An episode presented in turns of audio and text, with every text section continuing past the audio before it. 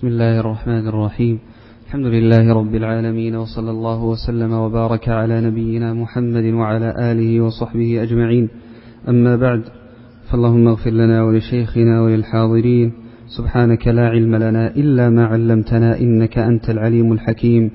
قال الشيخ العلامة عبد الرحمن بن ناصر السعدي رحمه الله تعالى في كتابه منهج السالكين وتوضيح الفقه في الدين. باب عشرة النساء. يلزم كل واحد من الزوجين معاشرة الآخر بالمعروف من الصحبة الجميلة وكف الأذى وألا يمطله بحقه. صلى الله وسلم وبارك على نبينا محمد وعلى آله وصحبه أجمعين. أما بعد فنبدأ اليوم بمشيئة الله عز وجل في الحديث عن باب عشرة النساء أو باب عشرة الزوجين. وقد جرت عادة الفقهاء عليهم رحمة الله تعالى بذكر هذه الأحكام عقب ذكرهم باب النكاح لأن الإخلال في واحد من هذه الواجبات التي سنذكرها بعد قليل يجيز فسخ عقد النكاح ولذلك سيأتي معنا عند تقسيمنا لأنواع العشرة أنها نوعان واجب نوع واجب ونوع مستحب. أن الإخلال بالنوع الواجب يكون موجبا لفسخ عقد النكاح كما سيأتي. والحقيقة أن الحديث عن أحكام عشرة الزوجين من المسائل المهمة لأن أكثر امرئ يقابله المرء ويواجهه ويحادثه ويجالسه هو زوجه.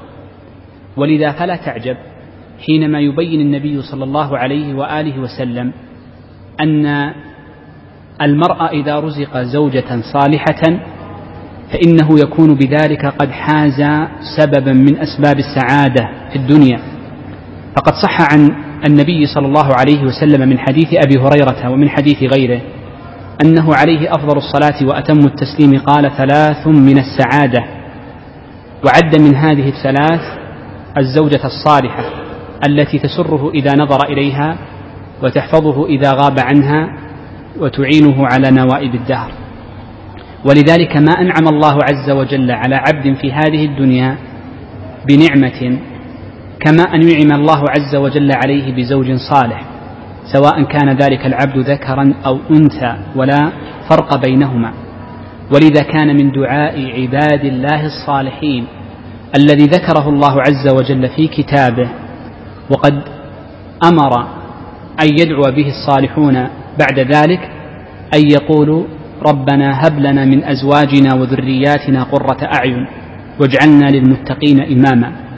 وكان بعض الصالحين يقول هذا الدعاء في كل صلاة يصليها ويناجي فيها ربه إذ هذه النعمة ما بعدها من نعمة والضد بالضد. فإن المرء إذا كان زوجه سيئا ذا خلق سيء وعشرة ليست بالحسنة فإنها علامة شؤم في حياته. وهذا هو معنى قول النبي صلى الله عليه وآله وسلم إن كان الشؤم في شيء ففي ثلاثة وذكر منها الزوجة فالمرأة إذا كانت سليطة اللسان سيئة الطبع غير مؤتمرة للأمر ونحو ذلك من الصفات السيئة فإنها تكون سببا لشؤم حياة المرء إذ تصبح نفسه متنغصة نكدة يومه بل دهره كله. وهكذا في الأمور الثلاثة الباقية.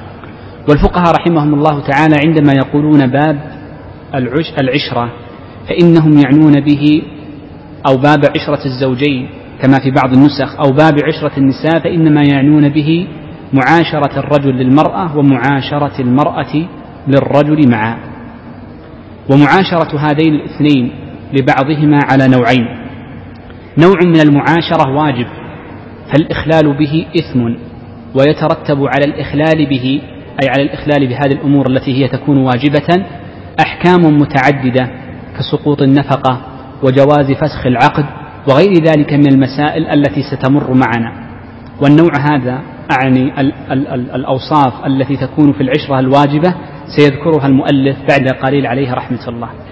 النوع الثاني من العشرة قالوا العشرة التي هي نوع الكمال فهي تكون زائدة على حد الوجوب وهذه يختلف فيها الرجال بطباعهم وتتنوع فيها النساء بجبلاتهن فليس كل النساء واحدة ولا كل الرجال واحد في الطب.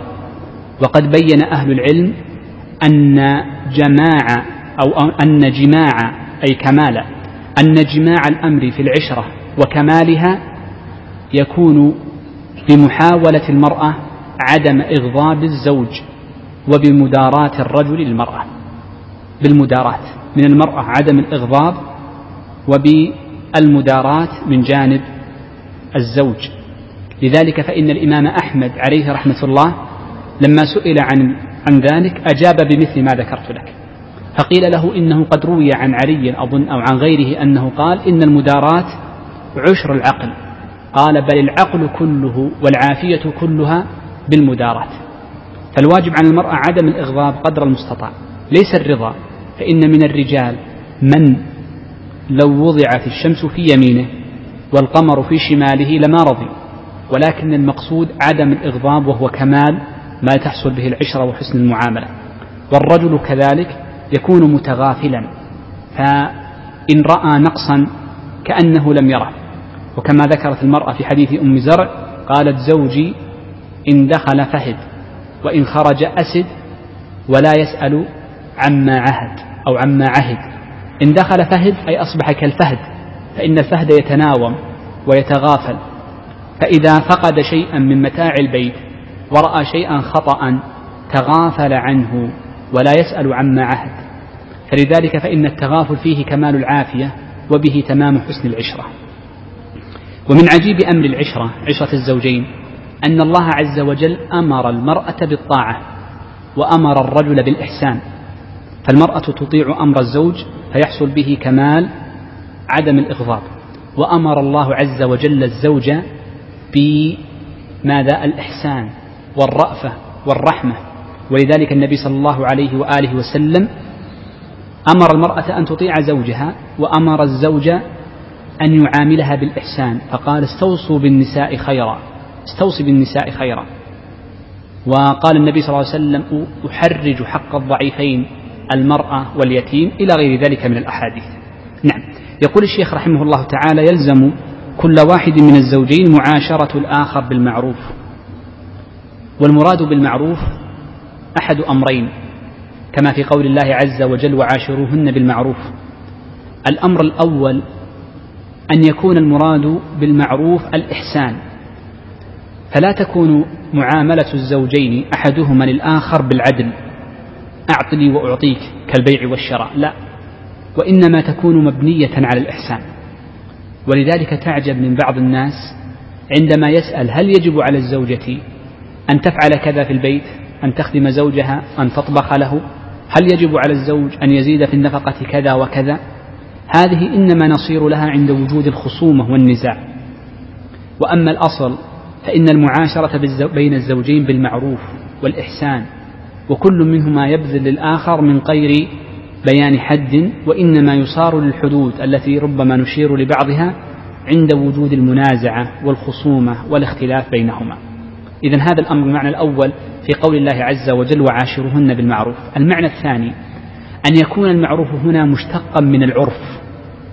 مشتقا من العرف فتكون معاملة الرجل لمرأته والمرأة لزوجها على ما جرى به العرف من غير نقص عنه.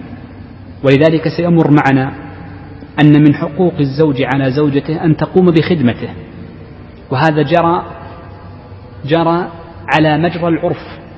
فإن الغالب في النساء في عصرنا وما قبله أن المرأة تقوم بخدمة زوجها. فلذلك يقاس على العرف ولا ننزل كلام الفقهاء الأول على وقتنا لاختلاف الأعراف فيه ولا ما يكون لطبقة معينة في المجتمع ينزل حالها على الطبقة الأخرى وهكذا مما سنمر عليه إن شاء الله بالخصوص في باب النفقات. يقول الشيخ من الصحبة الجميلة وكف الأذى وألا يمطله بحقه. هذه الجملة في الحقيقة فيها العديد من الفوائد من حيث الخلق. ولكن نمر عليها بسرعة ثم نذكر إجمالها. الصحبة الجميلة هذا هو الأصل فإن الزوجين متصاحبان ومتجالسان وسمي زوجين لاقترانهما بمعنى فلذلك الصحبة والإحسان في التعامل والبر أمر مقصود. أما كف الأذى فإن أقل حق للمسلم على أخيه أقل حق بمعنى أنه إن نقص عنه أثم فإن أقل حق للمسلم على أخيه أن يكف الأذى عنه. ولذلك جاء في الحديث حق المسلم على المسلم ست ومنها كف الأذى في بعض الروايات. فإذا تعمد أحد الزوجين أذية الآخر بقوله أي بلسانه بالكلام أو بفعله أو بمطل حق له ونحو ذلك فإنه يكون قد أساء العشرة باتفاق لأنه تجاوز الحد الواجب الذي يجب لكل مسلم وهو كف الأذى. الأمر الثالث ألا يمطله حقه أي لا يؤخر الحق. ولذلك القاعدة عند أهل العلم أن المرء يكون مؤديا لسائر الحقوق على وجهها إذا فعل أشياء ثلاثة. ألا يؤخرها وأن يأتي بها من غير إظهار كراهة لها وأن لا يمن بها.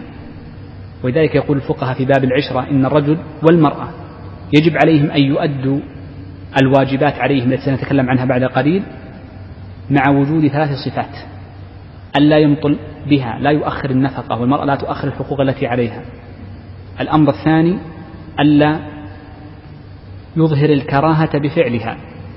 ولذلك فإن خولة رضي الله عنها لما أبانت أنها كانت كارهة لزوجها قيس بن ثابت بن شماس رضي الله عنه قالت إني أكره الكفر بعد الإيمان فدل على أن إظهار الكراهية عند الإنفاق أو عند فعل شيء من الواجبات على أحد الزوجين أنه استنقاص له الأمر الأخير عدم المطل بمعنى أن يؤدى الشيء في وقته. وقد جاء عن نبينا الأكرم صلى الله عليه وآله وسلم أنه قال مطل الغني ظلم مطل الغني ظلم. وفي الحديث الآخر لي الواجد ظلم يحل عقوبته وعرضه. إذا هذه الأمور الثلاثة في كل شيء تفعلها حتى في الشفاعة. إذا شفعت لامرئ أو قضيت حاجته أو أعنته فإنه يكمل فعلك بهذه الأمور الثلاثة. إذا طلبك أدي له ما طلبك بسرعة لا تؤخرها. الأمر الثاني لا تبدي الكراهة فيها. الأمر الثالث لا تمن بها بعد فعلها. قال رحمه الله ويلزمها طاعته في الاستمتاع وعدم الخروج والسفر إلا بإذنه والقيام بالخبز والعجن والطبخ ونحوها. نعم نقف هنا. نحن قلنا في بداية الحديث أن عشرة الزوجين أحدهما لصاحبه على نوعين. النوع الأول واجبة والثاني صفة كمال. بدأنا بصفة الكمال وقلنا إن جماعها وكمالها بألا تغضب المرأة زوجها وأن يداري المرء زوجته كما جاء ذلك عن الإمام أحمد وغيره. وأما الواجب في العشرة بمعنى أنه لا يجوز الإخلال به ويترتب على الإخلال بأي جزء من أجزائه العديد من الأحكام فهو ما يلي. أولا الواجبات على الزوجة في الأصل أنها ثلاث. أول هذه الأمور الثلاثة أن تطيعه في الاستمتاع كما عبر الشيخ. فيشمل ذلك إذا دعاها لفراش لجماع أو استمتاع دونه فيجب عليها أن تطيع حتى وإن لم يكن جماعا. والدليل على ذلك ما ثبت في الصحيحين من حديث أبي هريرة رضي الله عنه أن النبي صلى الله عليه وآله وسلم تقول عائشة كان كنت إذا كنت إذا إذا كانت حائضة رضي الله عنها قالت كان يأمرني أن أتزر فيباشرني فدل على أن الاستمتاع ولو بما دون الوطء يجب على المرأة أن تطيع لأنه يجب طاعته في ذلك. وهذا مجمع عليه من أهل العلم. ولذلك جاءت الأحاديث الكثيرة أن المرأة يجب عليها أن تطيع زوجها في هذا الأمر ولو كانت على تنور ولو كانت في غير ذلك من الأمور التي ربما تتلف إن لم يعني تعملها. فدل ذلك على لزوم هذا الأمر. لا يجوز لها الطاعة فيه إن كان فيه معصية. وسنتكلم عن هذه الأمور. لما ننهي هذه الأمور الثلاثة سنتكلم متى لا يجوز لها طاعته في هذه الأمور الثلاثة. الأمر الثاني الذي يلزم المرأة فعله يلزم على المرأة فعله لتلزم العشرة قال عدم الخروج والسفر إلا بإذنه. المرأة لا يجوز لها أن تخرج من بيتها إلا بإذن زوجها. وقد انعقد على ذلك إجماع أهل العلم أنه لا يجوز لها أن تخرج إلا بإذنه وكذلك لا يجوز لها السفر من البلدة التي هما فيها إلا بإذنه إلا بإذنه. وهذا انعقد إجماع المسلمين عليه والشواهد عليه كثيرة وقد رويت في ذلك آثار وأحاديث في الباب. والمقصود من هذا الأمر أن المرأة أن المقصد الأكمل كما ذكرنا في الدرس السابق من عقد الزوجية إما هو إما أن يكون التمكين أو الاحتباس. ذكرناه استطرادا في الدرس السابق وهذا محله. فمن الفقهاء من يقول إن عقد الزوجية المقصود منه التمكين ومنهم من يقول الاحتباس. وهذان الأمران ينتفيان معا عند سفر المرأة أو عند خروجها من بيتها. وينبني على ذلك أن المرأة إذا سافرت أو خرجت من بيتها يوما كاملا فإنه يترتب على ذلك أن نفقتها تسقط وتعد ناشزا تعد ناشز فتسقط نفقتها في هذا اليوم أو خلال الأيام التي سافرت فيها. ولكن لا بد هنا من ملاحظة أمرين. الأمر الأول أن هناك خروجا واجبا فهذا يكون مستثنى فلا يجوز للرجل أن يمنعها فيه ومن باب أولى لا يشترط لها أن تستأذن زوجها كأن تخرج لحاجة علاج أو حاجة ضرورية من ضروريات الحياة أو غير ذلك من الأمور. الأمر الثاني أنه يجب على الزوج ألا يتعسف في منعها. فمن الأزواج من يتعسف في استعمال الحق الذي آتاه الله عز وجل إياه فيمتنع هكذا من غير حاجة ومن غير سبب. ولذلك جاء في الحديث عن النبي صلى الله عليه وآله وسلم أنه قال لا تمنعوا إماء الله مساجد الله. فخروج المرأة إلى المسجد للصلاة هو فعل خلاف الأولى لأن النبي صلى الله عليه وآله وسلم قال وصلاتها في بيتها خير لها أليس كذلك؟ فصلاة المرأة في بيتها أفضل من صلاتها في المسجد ومع ذلك قال صلى الله عليه وآله وسلم لا تمنعوا إماء الله مساجد الله. هذا الحديث يفيدنا في هذا الباب أن الزوج ليس له الحق في التعسف في المنع فإذا منع المرأة من زيارة أهلها تعسفا أثم. وإذا لكن إن منعها لمصلحة كأن تكون له حاجة أو يعلم أن في ذهابها لهذا البيت من قراباتها ربما يكون سببا في قطيعة رحم أو أذية أو غير ذلك من الأسباب التي تكون في البيوت ومشاكل البيوت كثيرة فهنا نقول نعم يقبل قوله. وأما التعسف في منعها وغير ذلك من الأمور فإنه يكون في ذلك آثما استدلالا بالحديث الذي سبق بيانه. الأمر الثالث مما يلزم المرأة فعله قالوا القيام بالخبز والعجن والطبخ ونحوه. وهذه الأمور هي التي جرى العرف بفعلها فإن العرف يجري بأشياء تختلف الأزمنة وتختلف الأمكنة وتختلف الأسر أيضا في جريان ما يجري به العرف. ولذلك فإن بعض فقهاء المالكية وبعض الحنابلة لما ذكروا أن بعض النساء تخدم تكون بعض النساء من بيت يخدم لا تقوم بخدمة نفسها. قالوا يلزم الزوج أن يأتي لها بخادم يخدمها. لماذا؟ لأن عرفها وعرف بيتها أنها تخدم. ولذلك يقولون إن المعروف والعرف متعلق متعلق بهما معا بالزوجة وبالزوج بالزوجة وبالزوج. ولذلك فإن القيام بالخبز والعجن والطبخ إنما هذا باعتبار عرف زمان معين. الآن النساء لا يخبزن وإنما جرى العرف أنهن يؤتى لهن بالخبز لكن العجن مثلا والطبخ ما زال العرف جاريا به وهكذا من سائر أنواع الخدمة. أقول ذلك لماذا؟ لأنني قبيل قليل قبيل أن آتي للمسجد. اتصل بي شخص قد تنازع مع زوجته لا لشيء إلا في مسألة كي الشماغ. هي تقول إن كي شماغه ليس واجبا عليها وهو يقول بل هو واجب عليها. فتنازعا في الدليل الموجب لكي الشماغ على أحدهما ولا دليل وإنما هو قول الله عز وجل وعاشروهن بالمعروف فإن جرى عرف في زمان على فعل ذلك. أو في طبقة أو في مكان معين فلا شك أنه يكون لازما دون هكذا. وقلنا الأصل في باب العشرة هو ماذا؟ المعروف والإحسان وليس العدل. وليس العدل فإنما العدل يكون في المبايعات وفي غيرها. نعم. قال رحمه الله وعليه نفقتها وكسوتها بالمعروف كما قال تعالى وعاشرهن بالمعروف وفي الحديث استوصوا بالنساء خيرا وفيه خيركم خيركم لأهله. وقال صلى الله عليه وسلم إذا دعا الرجل امرأته إلى فراشه فأبت أن تجيء لعنتها الملائكة حتى تصبح متفق عليه. نعم قبل أن ننتقل لهذه الجملة هناك مسألتان تتعلق بما يلزم الزوجة. المسألة الأولى إذا أخلت المرأة بأحد هذه الأمور ما الذي يترتب عليه؟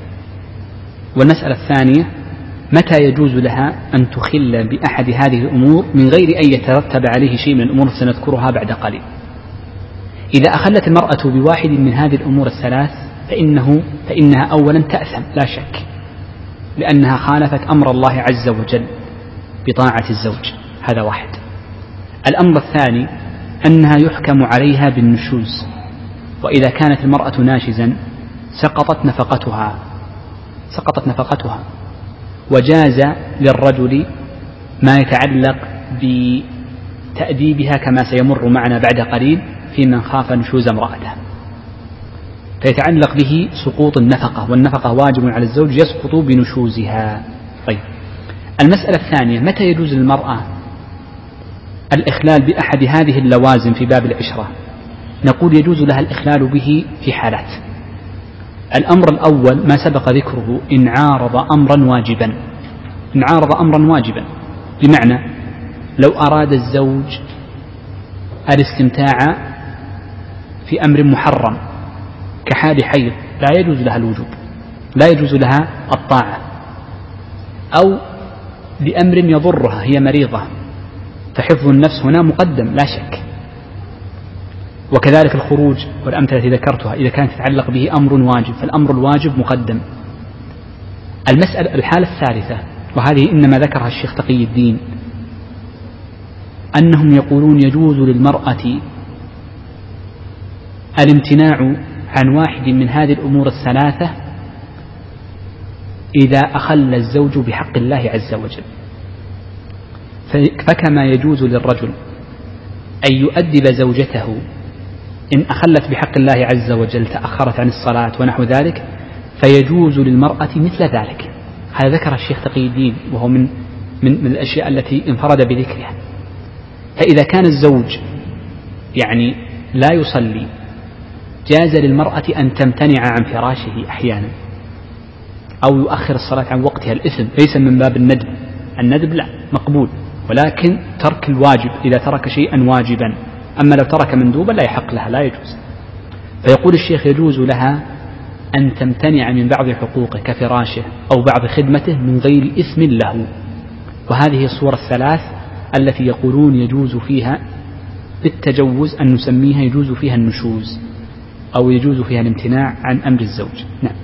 المسألة الثانية ما الذي يجب على الزوج أو ما الذي يجب على الزوج لزوجته؟ نعم. قالوا يجب عليه أمور. الأمر الأول أنه يجب عليه نفقتها وكسوتها بالمعروف أي بحسب العرف. والواجب في النفقة أربعة أمور سنذكرها إن شاء الله عز وجل في باب النفقات وهو الأكل والشرب والكسوة والسكن وضروريات الحياة. الأكل والشرب واحد والسكن الثاني والكسوة الثالث وضروريات الحياة الرابع سنذكرها إن شاء الله في باب النفقات. ثم ذكر المصنف رحمه الله تعالى الشيخ عبد الرحمن الآيات التي تدل على مشروعية العشرة والكلام الذي ذكرناه وهو قول الله عز وجل وعاشروهن بالمعروف وبينا معنى هذه الآية في أول الحديث وذكر قول النبي صلى الله عليه وسلم استوصوا بالنساء خيرا وبينا أن الأصل في علاقة الرجل مع المرأة أن المرأة تطيعه والزوج يحسن إليها ولذلك أكثر النبي صلى الله عليه وآله وسلم من الاستيصاء بالنساء خيرا وإنما أمر النساء بالطاعة. وذكر الحديث بعد ذلك حديث خيركم خيركم لأهله. ثم ذكر أيضا حديث إذا دعا الرجل امرأته إلى فراشه فأبت أن تجيء لعنتها الملائكة حتى تصبح. وكل هذه المسائل هي أدلة على ما سبق ذكره وتفصيله قبل. نعم. قال رحمه الله وعليه أن يعدل بين زوجاته في القسم والنفقة والكسوة وما يقدر عليه من العدل.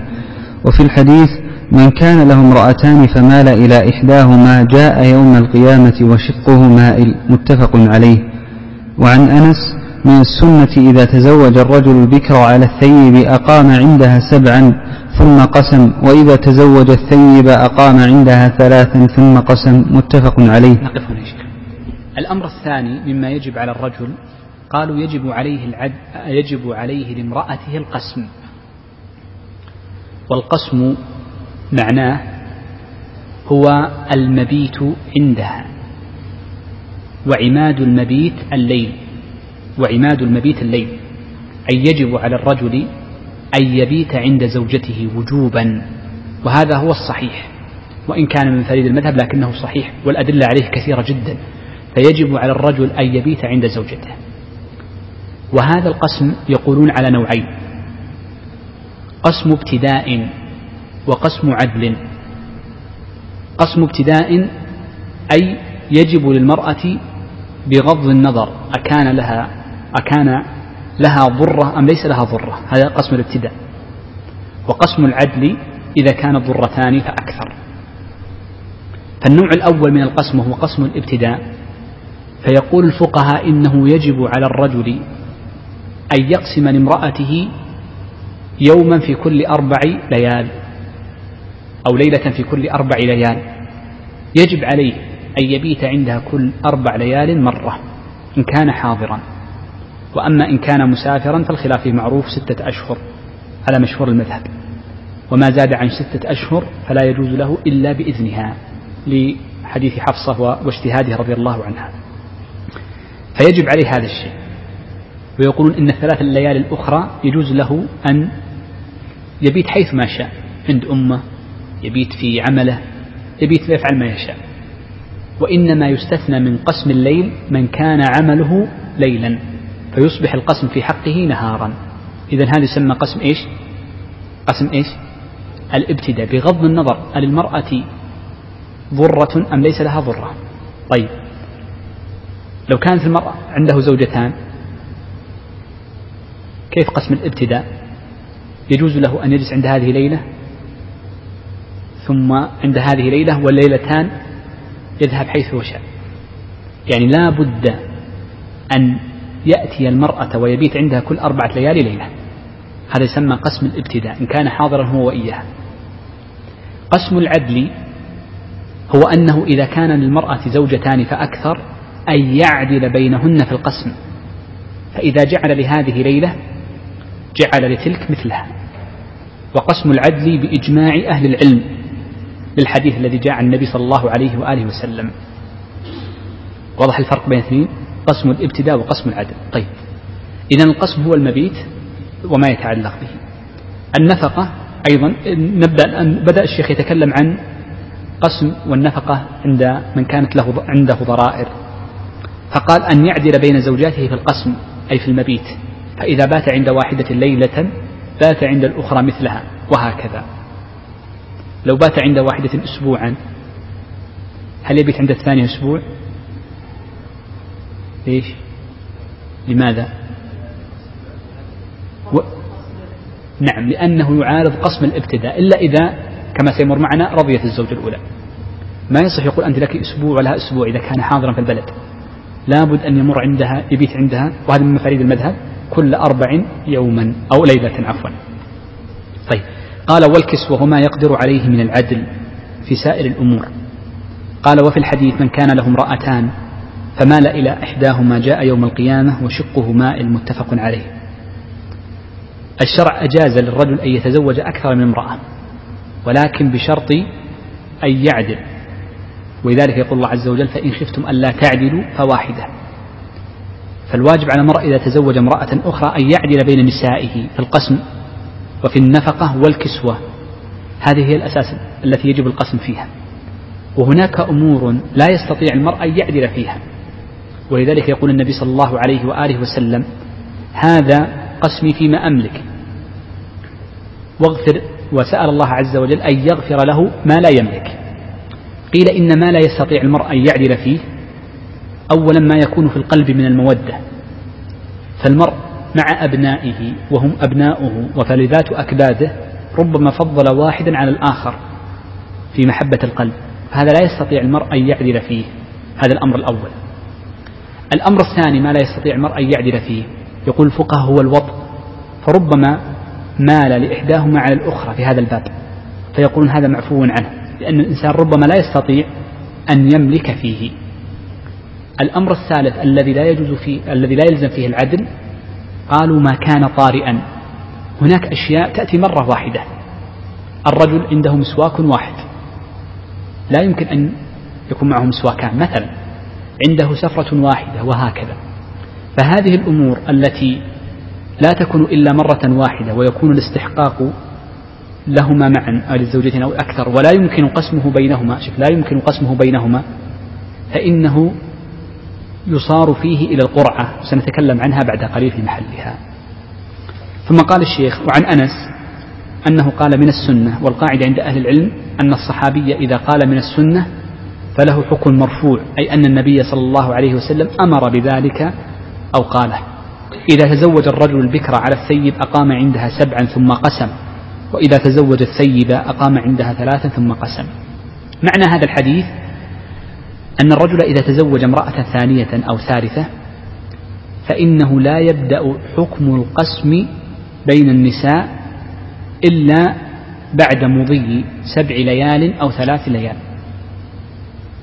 لأن أول سبع ليال إن كانت بكرا يكون لها فيجلس عندها يبيت عندها ثلاث ليال.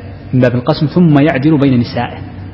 وإن كان زوجته بكرا جلس عندها ثلاث ليال ثم بعد ذلك ثيبا إن كانت ثيبا جلس عندها ثلاث ليال ثم قسم بين نسائه. وفي هذا مراعاة لمعنى العرس فإن المرأة إذا كانت ذات عرس حسن يعني ملاطفتها وحسن الجلوس معها ولذلك استثنى الشرع أمورا منها هذه وهي مسألة القسم. قرأنا حديث عائشة ولا أشرح؟ طيب اقرأ أشرح قال رحمه الله وقالت عائشة كان رسول الله صلى الله عليه وسلم إذا أراد السفر أقرع بين نسائه فأيتهن خرج سهمها خرج بها. متفق عليه. نعم. هذه مسألة مهمة جدا تتعلق بسائر أبواب الفقه تقريبا التي فيها تعامل يعني من البيع فما بعده وهي قضية القرعة. والقرعة جاءت في كتاب الله عز وجل في قصة زكريا عليه السلام. وثبت عن النبي صلى الله عليه وسلم أظن أربعة أو خمسة أحاديث في مشروعية القرعة. والقاعدة في القرعة متى تشرع القرعة؟ تشرع القرعة إذا ثبت الاستحقاق لشخصين ولا يمكن القسم بينهم فيه. ثبت استحقاق شيء اثنين ولا يمكن قسمه بينهما. هناك اثنان ادعيا شيئا لا يمكن قسمه بينهم. شيء لا يقسم من الأشياء التي لا تقسم. فإنه يقرع بينهما كأن يكون لكل منهما بينة أو على الصحيح أيضا لا بينة لهما ولهما اليد على هذا الشيء مما لا يقسم كالأراضي والبنيان فإنه يقرع بينهم فمن خرج سهمه أخذه. في قضية الزواج متى, متى يقرع المرء بين نسائه؟ يقولون يقرع بين نسائه في حالتين. الحالة الأولى ثم سنطبق هاتين الحالتين على حديث عائشة. الحالة الأولى إذا كان هناك أمر لا يمكن إعطاؤه النساء كلهن وإنما إعطاؤه بعضهن. رجل أعطي شيء عنده شيء يريد أن يعطي نساءه أهديت له هدية لا يمكن قسمها بين النساء. ماذا يفعل؟ يقرع بينهن من خرجت قرعتها أخذت هذا الشيء. ولذلك النبي صلى الله عليه وسلم قد نطبق على حديث عائشة كان النبي صلى الله عليه وسلم إذا سافر سفره مرة واحدة ليس متكررا إن تكرر مرة أخرى قد يكون له وقت أطول أو أقصر ولا يعرف وقته. فكان يسهم بين نسائه ويقرع بينهن فمن خرجت القرعة لها خرجت معه. لا يستطيع الرسول أن يحمل نساءه كلهن فيها مشقة عليه واحدة يأخذها معه. ما ليس لازم أن يأخذ النساء كلهن إنما يأخذ واحدة. فقال أقرع بينهن فمن خرج سهمها أخذته أخذتها معي. طيب. الحالة الثانية التي يقرع بين النساء يقرع لأجل الابتداء. قد يظهر بعد الثانية. يقرع لأجل الابتداء. بمعنى أن الرجل إذا أراد أن يجعل شيئا بين امرأتيه أيهما يبدأ بها؟ في شيء اليوم وشيء غدا. يريد أن يسافر رحلتين أسبوع وأسبوع. هذا هو سيسافر رحلتين؟ هنا من باب العدل. فأيهما الأولى؟ فأيهما الأولى؟ فهذا يقرع بينهن لأجله. أنت الأولى أم فلان الأولى؟ ولذلك يقولون إذا كان للرجل نساء. فأراد أن يبتدئ القسمة بعد الزواج أو أراد أن يبتدئ يعني بعد الستة بعد الخمسة بعد ثلاثة أيام أو السبعة. يبدأ بأي زوجة؟ ليس لازم أن يبدأ بالكبرى لا. وإنما يبدأ بالقرعة يقرع بين نسائه. تبدأ الليلة الأولى لفلانة أو لفلانة. أو مثلا بعد انقطاع سافر شهرا أو شهرين ثم رجع لنسائه الليلة الأولى لمن يقرع بينهن؟ لوجود الاختلاف. كلهن يستحق هذه الليلة. أيهن أحق بالتقديم يقرع بينهن؟ هنا مسألة السفر. السفر إذا كان مرة واحدة طارئ على الشخص يطرأ عليه السفر. مرة واحدة فإنه يقرع بينهن من باب الأول لكي تخرج معه واحدة فقط. الحالة الثانية إذا كان السفر متكررا بصفة دائمة هو يسافر كل شهر فأراد هذا الشهر فيقرع بين النساء في بيان أولى منهن. الحالة الثالثة إذا كان السفر لأجل النزهة من باب الإكرام للمرأة فهذا يجب فيه العدل بينهن. يجب أن يجعل لهذه مثل هذا. لكن في السفر الأول والثاني السفر له هو فأراد أن يقرع بين النساء ليخرجن. طبعا كل امرأة تقول لا أريد السفر معك من حقها. لا يجوز للرجل أن يجبر امرأته على أن تسافر معه. نعم. واضح يا شيخ؟ الثانية إذا ثبت الاستحقاق وإنما النزاع في الأول منهما من هو؟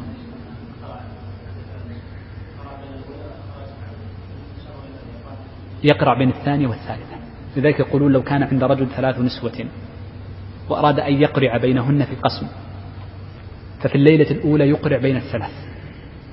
فتخرج القرعة. في الليلة الثانية يقرع بين الثانية والثالثة. لابد. نعم.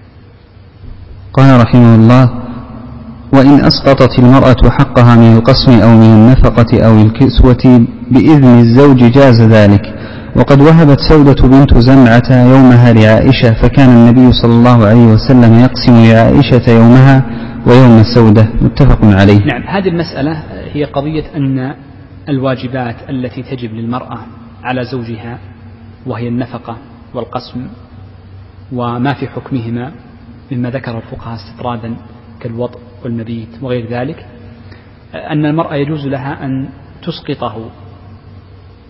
والدليل على ذلك أن سودة رضي الله عنها وهبت يومها من باب القسم لعائشة رضي الله عنها.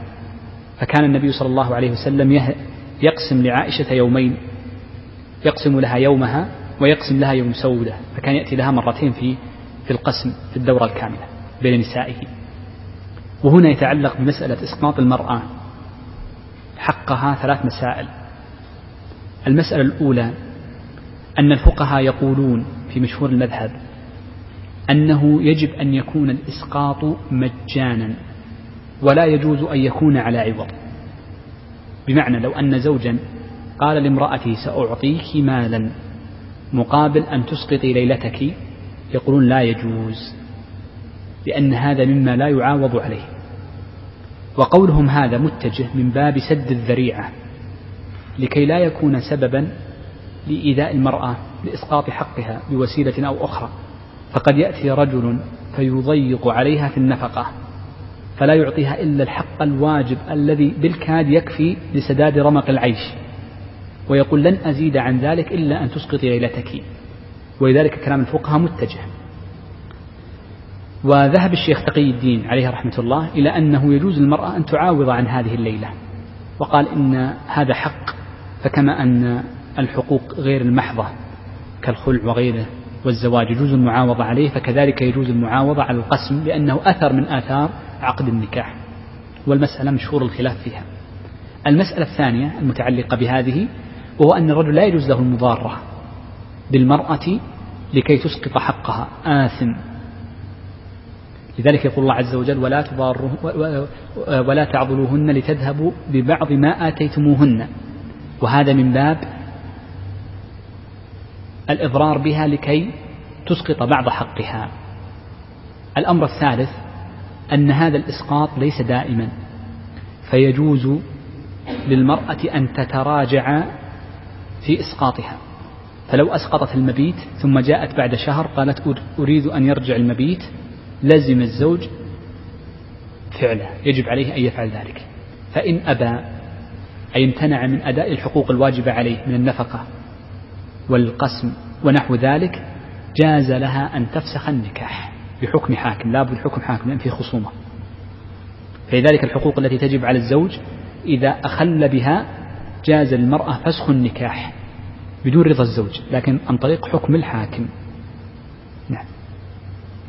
قال رحمه الله وإن خاف نشوز امرأته وظهرت منها قرائن معصيته وعظها فإن أصرت هجرها في المضجع فإن لم ترتدع ضربها ضربا غير مبرح ويمنع من ذلك إن كان مانعا لحقها. نعم.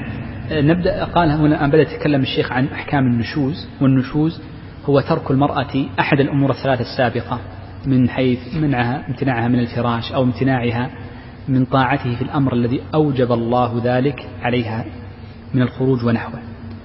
آه الرجل إذا خاف نشوز المرأة فإن وظهرت القرائن ليس مجرد شك بل لحظه في لحن لفظها أو لحظه في بعض تصرفاتها فإنه يجوز له أن يعظها يخوفها بالله عز وجل.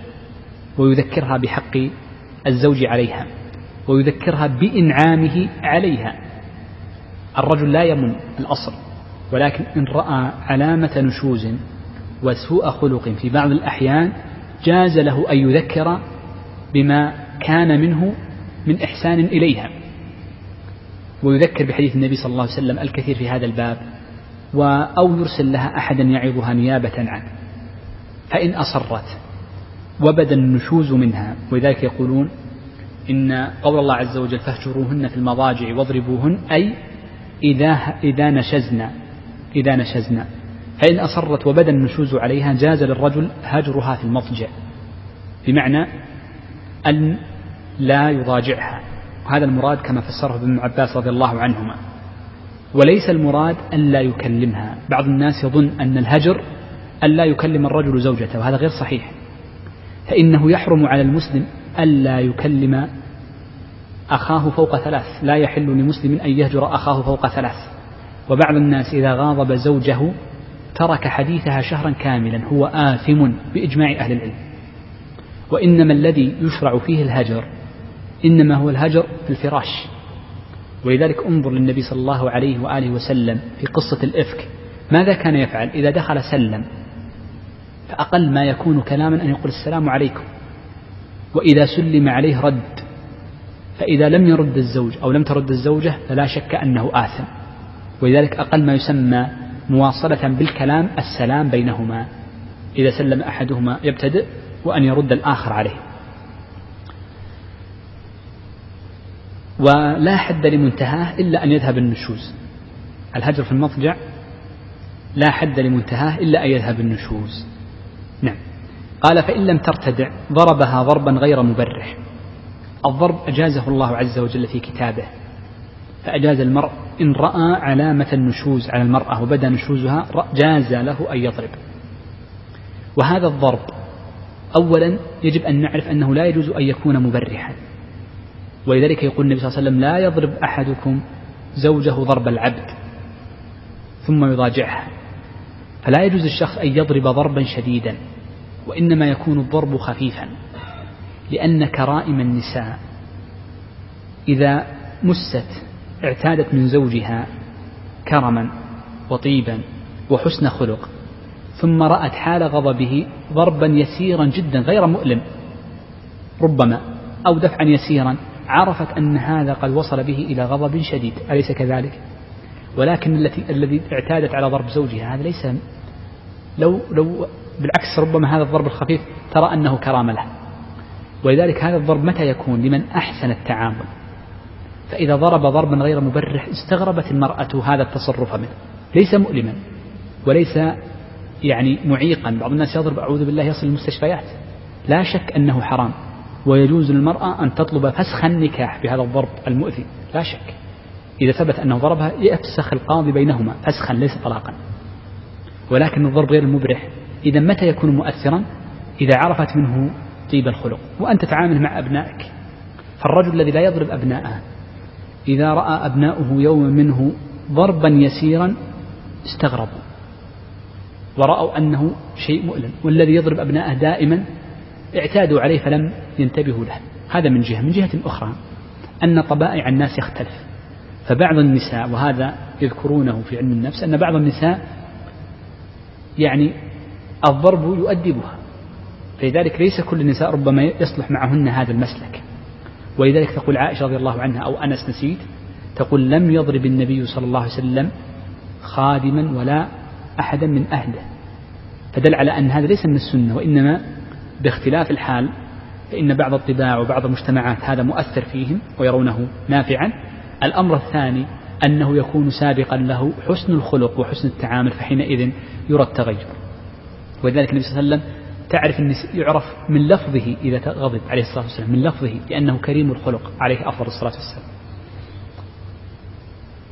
طبعا ومن شرط الضرب أيضا عندهم ألا يجاوز عشرا لما روي عند البيهقي أنه لا يجوز الضرب فيه. نعم يا شيخ. قال رحمه الله وإن خيف الشقاق بينهما بعث الحاكم حكما من أهله وحكما من أهلها يعرفان الأمور والجمع والتفريق يجمعان إن رأيا بعوض أو غيره أو يفرقان فما فعل جاز عليهما. والله أعلم. نعم. قبل أن ننتهي لهذه الجملة نسينا الجملة التي قبلها وهو قوله ويمنع من ذلك إن كان مانعا لحقها أي أن الرجل لا يجوز له أن يأتي بهذه الأمور الثلاثة إن كان نشوز المرأة بحق. ونحن قلنا إن المرأة يجوز لها أن تنشز بحق إذا منع الرجل حقها. امتنع من النفقة. جاز لها أن تنشز وتمتنع. وجاز لها إذا كان ماذا؟ قلنا عاصيا لله عز وجل أو كان بسبب أداء واجب لله سبحانه وتعالى. ليس كذلك؟ ذكرنا هذه الأمور الثلاثة. فإذا نشزت بحق حرم على الزوج أن يفعل الضرب أو الهجران في الفراش إذا كان نشوزها بسبب صحيح كأن يكون امتنع من نفقتها أو المبيت لها وغير ذلك من الأمور. المسألة الأخيرة في هذا الباب وهي مسألة بعث الحكمين.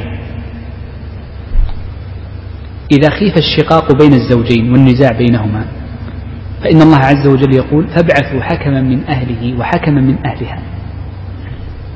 والسبب أن الله عز وجل أمر ببعث الحكمين أن كثيرا من القضايا الزوجية والخلاف بينهما مبني على معرفة الحال والأجنبي عنهما كإمام المسجد والغريب لا يمكن أن يعرف الحال ما يمكن أن يتصور. ولذلك أمر الله عز وجل أن الذي يتدخل في الصلح بينهما إنما هم أناس من طرفهم حكم من أهله وحكم من أهلها فهم الذين يقومون بالإصلاح. ولذلك يقول يعرفان الأمور والجمع والتفريق. يعرفان الأمور أي أمورهم وحالهم. والجمع والتفريق يعرفون متى يمكن الجمع والتفريق في هذا الباب. والقاعدة عند الفقهاء رحمهم الله تعالى أن الحكمين وكيلان. وبناء على ذلك إذا فوض الزوجان الحكمين بالصلح أو الطلاق فإنه يجوز للحكمين أن يطلقا وإن لم يرجعا للزوجين سواء طلاق من جهة الزوج أو بخلع من جهة الزوجة فيكون من جهتهما معا. وإن لم يفوضا في الطلاق وإنما أرسلهم فقط فليس لهم أن يطلقوا إلا بإذنهما. يرجعون للزوجين فيقولون أنتم وجدنا أن لا حل إلا الطلاق. يا أيها الزوج طلق أي مجانا. أو أيتها الزوجة ابذلي عوضا. إن هناك نقص من جهتها ابذلي عوضا ثم أنت خالع وهكذا. فهما حكمان وكيلان وليس قاضيين وليس في حكم القاضي أبدا وإنما في حكم الوكيلين وهذا هو الصحيح وهو مشهور المذهب. قال يجمعان إن رأيا بعوض أو بغيره بعوض أي خلع أو بغيره طلاق أو يفرقان. نعم يجمعان بعوض أو غيره بعوض يعني صلح بينهما أو يفرقان بعوض فيكون خلعا أو بغيره فيكون طلاقا. فما فعل جاز عليهما أي بإذنهما. لابد من القيد بأنه بإذنهما. نعم. ناخذ باب الخلع في دقائق العشر. قال رحمه الله باب الخلع. وهو فراق زوجته بعوض منها أو من غيرها والأصل فيه قوله تعالى فإن خفتم ألا يقيم حدود الله فلا جناح عليهما فيما افتدت به فإذا كرهت المرأة خلق زوجها أو خلقه وخافت ألا تقيم حقوقه الواجبة بإقامتها معه فلا بأس أن تبذل له عوضا ليفارقها. هذا الباب هو باب الخلع من الأبواب الفقهية المهمة وهو وارد في كتاب الله عز وجل الخلع وهو مشروع. وفرقة الرجل لزوجته قد تكون من قبله هو بغض النظر عن المرأة فيسمى طلاقا. وقد يكون من قبل المرأة هي التي لا تريد الزوج. فيسمى خلعا. سنتكلم عن أحكامه بعد قليل. وقد يكون لأمر طارئ عن طريق القاضي فيكون فسخا قضائيا فيكون عن طريق القاضي. ولا بد فيه من ترافع لصاحب الحق إما الزوجة أو وليها أو هكذا. إذا الطلاق أو المفارقة على ثلاث أنواع إما طلاق من جهة الزوج أو من جهة الزوجة أو من جهة القاضي لأمر طارئ كغيبة أو ردة أو نحو ذلك من الأمور. باب الخلع ورد في كتاب الله عز وجل فإن الله سبحانه وتعالى يقول فإن خفتم فإن خفتم ألا يقيما حدود الله فلا جناح عليهما فيما افتدت به. فهنا في هذه الآية وفي الآية الأخرى الطلاق مرتان ثم ذكر بعد ذلك إمساك معروف تسريح بإحسان ثم ذكر بعد ذلك الخلع فدل في هاتين الآيتين على أن الخلع مشروع. وقد ورد الخلع في أكثر من حديث عن النبي صلى الله عليه وآله وسلم. ما معنى الخلع؟ الخلع هو ما اجتمع فيه أمران. الأمر الأول أن يكون بطلب من الزوجة أو من في حكمها كوكيلها أو أجنبي. الأمر الثاني لا بد أن يكون فيه بعوض. فإن لم يكن بعوض فإنه لا يسمى خلعا. نبدأ بالأول ثم ننظر محترزاته والثاني ومحترزاته. لا بد أن يكون فيه بطلب من الزوجة أو, أو, أو آخر. فلو لم يكن بطلب جاء الرجل قال أريد أن أخالع المرأة. فخالعها من غير طلب منها أو من أحد غيرها فإنه لا يسمى خلعا بل يكون طلاقا لأنه هو الذي أراده. فيجوز الخلع كما يقول الشيخ فيجوز منها أو من غيرها. يجوز أن يكون الطلب منها هي ويجوز يكون الطلب من وليها كأن يأتي أبوها الأب لا للزوج فيقول طلق امرأتك وأنا أبذل المال. يعلم أن الحال غير مستقيم وأن هذه المرأة بعض النساء يعني لا تكون لها إرادة قوية جدا في اتخاذ القرار تكون خائفة إما على ابن أو خائفة من زوج. أو خائفة من أب ونحو ذلك. فيأتي وليها فيقول طلق بنتي طلق أختي وأنا أعطيك المهر. أنا أبذل المهر. بما أن الطلب منه هو الذي يبذل ليس هي. فالذي يطلب هو الذي. الأمر الثالث لو كان أجنبي هو الذي طلب. جاء إمام المسجد مثلا وقال طلق هذه المرأة طلق زوجتك ولد بينهم مشاكل. طلقها وأنا أعطيك المبلغ. أو خالعها وأنا أعطيك مهرها. يقولون يجوز لكن بشرط أن تكون هناك مصلحة كأن يكون مثلا يعني قريب أو نحو ذلك. وأما أن يأتي رجل هكذا من الشارع فلا شك أن هذا منهي عنه لأنه من التخبيب. وقد قال النبي صلى الله عليه وسلم ليس منا من خبب امرأة على زوجها. حرام ما يجوز. ولكن متى يجوز؟ إذا كان فيه مصلحة. يعلم أن هذه المرأة ضعيفة مكسورة الجناح. ولكن لا تجد لا تعرف وسيلة. صعب ترفع للمحاكم. فيأتي رجل ويقول أمام المسجد القريب الجار. يقول طلق زوجتك وخذ هذا المال. فيكون خلعا. فكاكا لها لمصلحتها. طيب. الأمر الثاني أنه لا بد الثاني لا ما يشترط. أقول ما يشترط. إذا وافقت وجب أن يكون العوض من قبلها. ويكون لازما إذا وافقت هي. يعني إذا وافقت يكون لازم لا ولذلك يقولون فراق زوجته بعوض منها هل منها أو من غيرها هل يتعلق العوض من فقط أو بالطلب؟ هو متعلق بالاثنين بالطلب وبالعوض. فيكون خلعا. طيب. الأمر الثاني خلينا ننتبه من هذه الجزئية أنه لا بد فيه من عوض. فإن قالت المرأة لزوجها خالعني قال خالعتك ولم يكن هناك عوض فإنه لا يسمى خلعا. وإنما يكون في معنى الطلاق إن كان بلفظه. لا بد من عوض. طيب. قال والأصل فيه قوله تعالى فإن خفتم ألا يقيم حدود الله فلا جناح عليهما فيما افتدت به هذا واضح الآية أنها نص في جواز الخلع.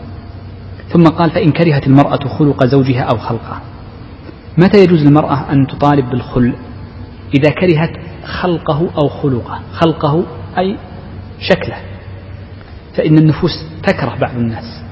الأرواح جنود مجندة ما تعارف منها تلف وما تناكر منها اختلف.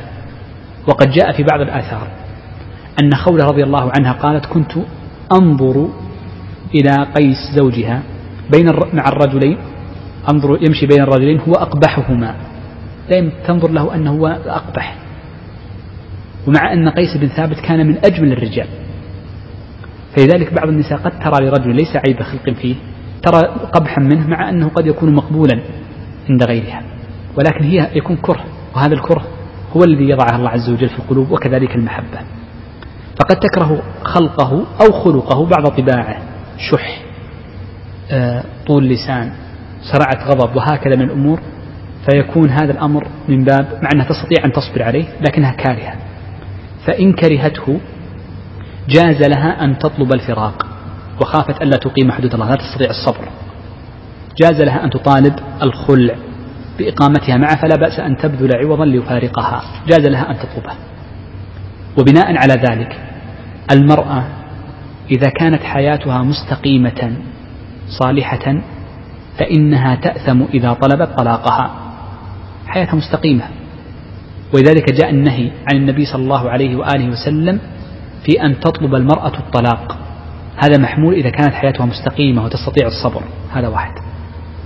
الأمر الثاني إذا كان الرجل متعلقا بها الرجل متعلق بهذه الزوجة فإن الفقهاء استحبوا للمرأة أن تصبر كما جاء في قصة بريرة رضي الله عنها مع زوجها. فإنه يعني الأفضل المرأة أن تصبر لمصلحتها ومصلحة زوجها. الأمر الثالث أن هذا الأجنبي ليس له الحق أن يطلب. إلا بوجود هذه الكراهة الموجودة ويعرف المصلحة وإلا فإنه يأثم إثما شديدا إن طلب من غير وجود هذه المصلحة الموجودة. قال رحمه الله ويصح في كل قليل وكثير ممن يصح طلاقه. فإن كان آه قال يصح في كل قليل وكثير أي في العوض. العوض الذي يكون من الزوجة يصح أن يكون قليلا وكثيرا.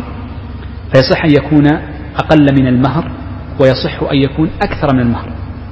لقول الله عز وجل فيما افتدت به فيما أي في كل في, في الذي افتدت به فيشمل كل شيء.